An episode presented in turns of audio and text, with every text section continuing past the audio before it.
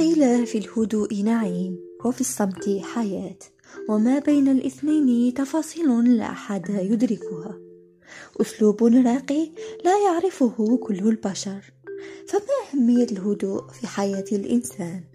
وهل الذين يبحثون عن الراحة في مكان هادئ مخطئون؟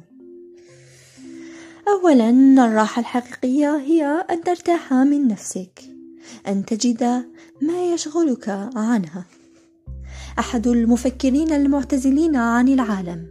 ندب حظ البشر فقال أصبحت الإنسانية مسرفة في الجلبة والضوضاء مفرطة في الصناعة على حطام الهدوء النفسي بحيث لا تظن الهدوء الذي تراه في الوجوه يدل على الرضا.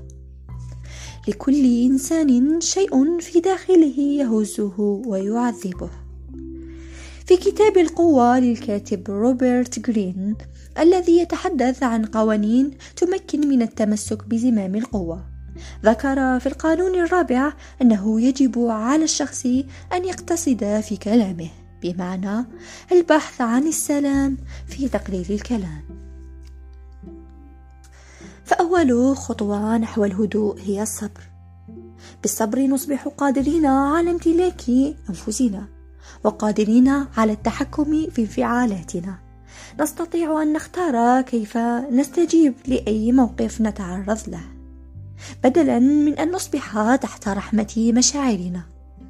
وإن المرء لا يرزق السكينة بكثرة لجوئه إلى الله. فحياة هادئة تمر بسلام يا الله. في الأخير أحب أيامكم الهادئة.